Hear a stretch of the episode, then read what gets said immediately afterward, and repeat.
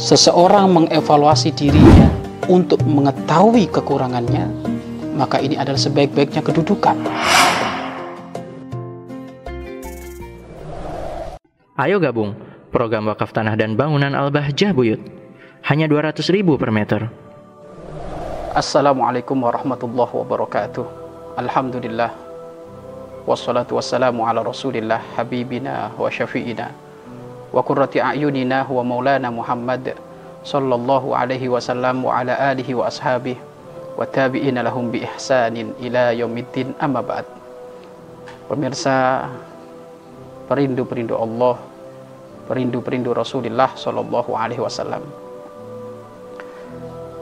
Sesuatu yang dilihat oleh Allah dari diri kalian. Sesungguhnya Allah tidak melihat bentuk, rupa dan harta benda kalian.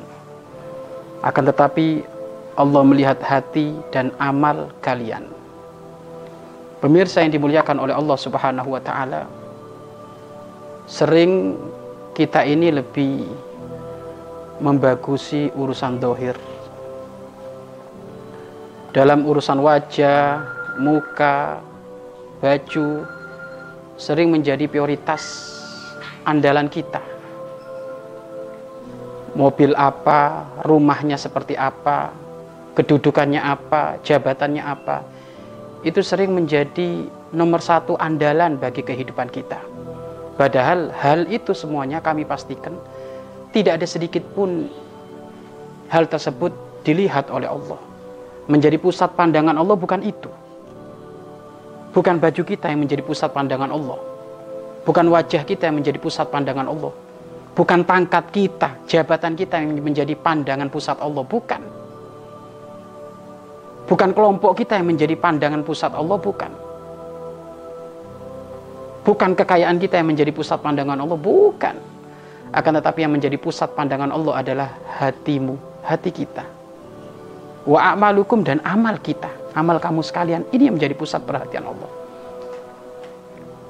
pejabat walaupun nomor satu di dunia tapi kalau ternyata hatinya kotor amalnya adalah amal nggak karu-karuan tidak dipandang oleh Allah. Atau dipandang oleh Allah dengan murkanya dipandang oleh Allah nanti dengan siksaannya. Karena hatinya kotor. Hati kotor membuahkan amal yang kotor. Allah tidak melihat merek baju kita. Kenapa kita harus bangga-bangga dengan merek baju? Padahal itu tidak sedikit pun dilihat oleh Allah. Yang melihat merek baju hanya makhluk Allah, tapi Allah tidak melihat itu. Ada orang Masya Allah setiap hari hampir mikir merek baju apa, merek baju apa, merek celana apa, merek celana apa, merek kerudung apa, merek sarung apa. Sampai mereka rela berbangga-bangga dengan membeli baju sekian juta, membeli sarung sekian juta, membeli motor sekian juta. Itu semuanya tidak dipandang oleh Allah Subhanahu wa taala. Ketahuilah kalau kita mempeributkan urusan merek baju, ketahuilah merek kita di saat nanti kita mati mereknya satu namanya kain kafan. Warnanya putih. Siapa pun tuh mau pejabat, orang nomor satu di dunia atau siapa pun semuanya nanti pakai kain kafan. Gak usah ribut urusan merek baju. Maka sibuklah yuk memperhatikan urusan hati kita. Ini nadronya Allah itu di dalam hati kita. Cara pandang Allah itu melihat hati kita. Maka ayo kita sibuk menata hati kita. Ada apa di dalam hati kita? Masih adakah jelek prasangka itu? Masih adakah kesombongan itu? Masih adakah dengki? Masih adakah dendam? Ini. Jangan sampai Allah menengok hati kita, tak taunya diketemukan ada kebejatan hati, ada dendam, ada ria, ada takabur, ada sombong. Maka ini menjadikan sebab Allah berpaling. Dan urusan Allah memandang hati ini, ini adalah benar disampaikan oleh para ulama hak itu bahkan hadis agung baginda Nabi Muhammad alaihi wasallam innallaha la yanduru ila suwarikum walakin yanduruna ila qulubikum wa amalikum. Demi Allah sesungguhnya Allah tidak sekali-kali memandang jasadmu memandang bentuk rupamu. Akan tapi Allah memandang hati kita memandang amal kita.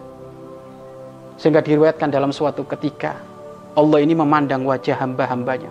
Hamba-hambanya Allah dipandang semuanya oleh Allah. Hatinya Hatinya dipandang semuanya oleh Allah. Maka saat itu Allah berfirman, sungguh tidak ada hati yang paling lembut, tidak ada hati yang paling bersih kecuali hatinya baginda agung Nabi Muhammad SAW.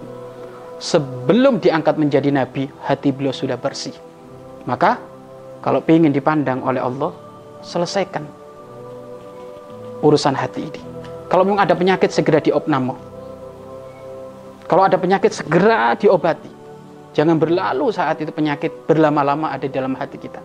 Karena sedikit benalu yang ada di dalam hati kita ini akan menjalar ke segala aspek anggota tubuh kita, perilaku kita semuanya bejat. Maka ayo apa yang saat ini menjadi pusat perhatian Allah, ayo kita beresi. Jangan sibuk, wahai engkau para wanita, jangan sibuk engkau membersihkan alismu, beresin alismu, hidungmu, bibirmu. Memang itu tidak masalah, tidak apa-apa. Berhias itu tidak masalah kok. Berhias itu diboleh-bolehkan. Bagi kaulah ibu-ibu berhias boleh.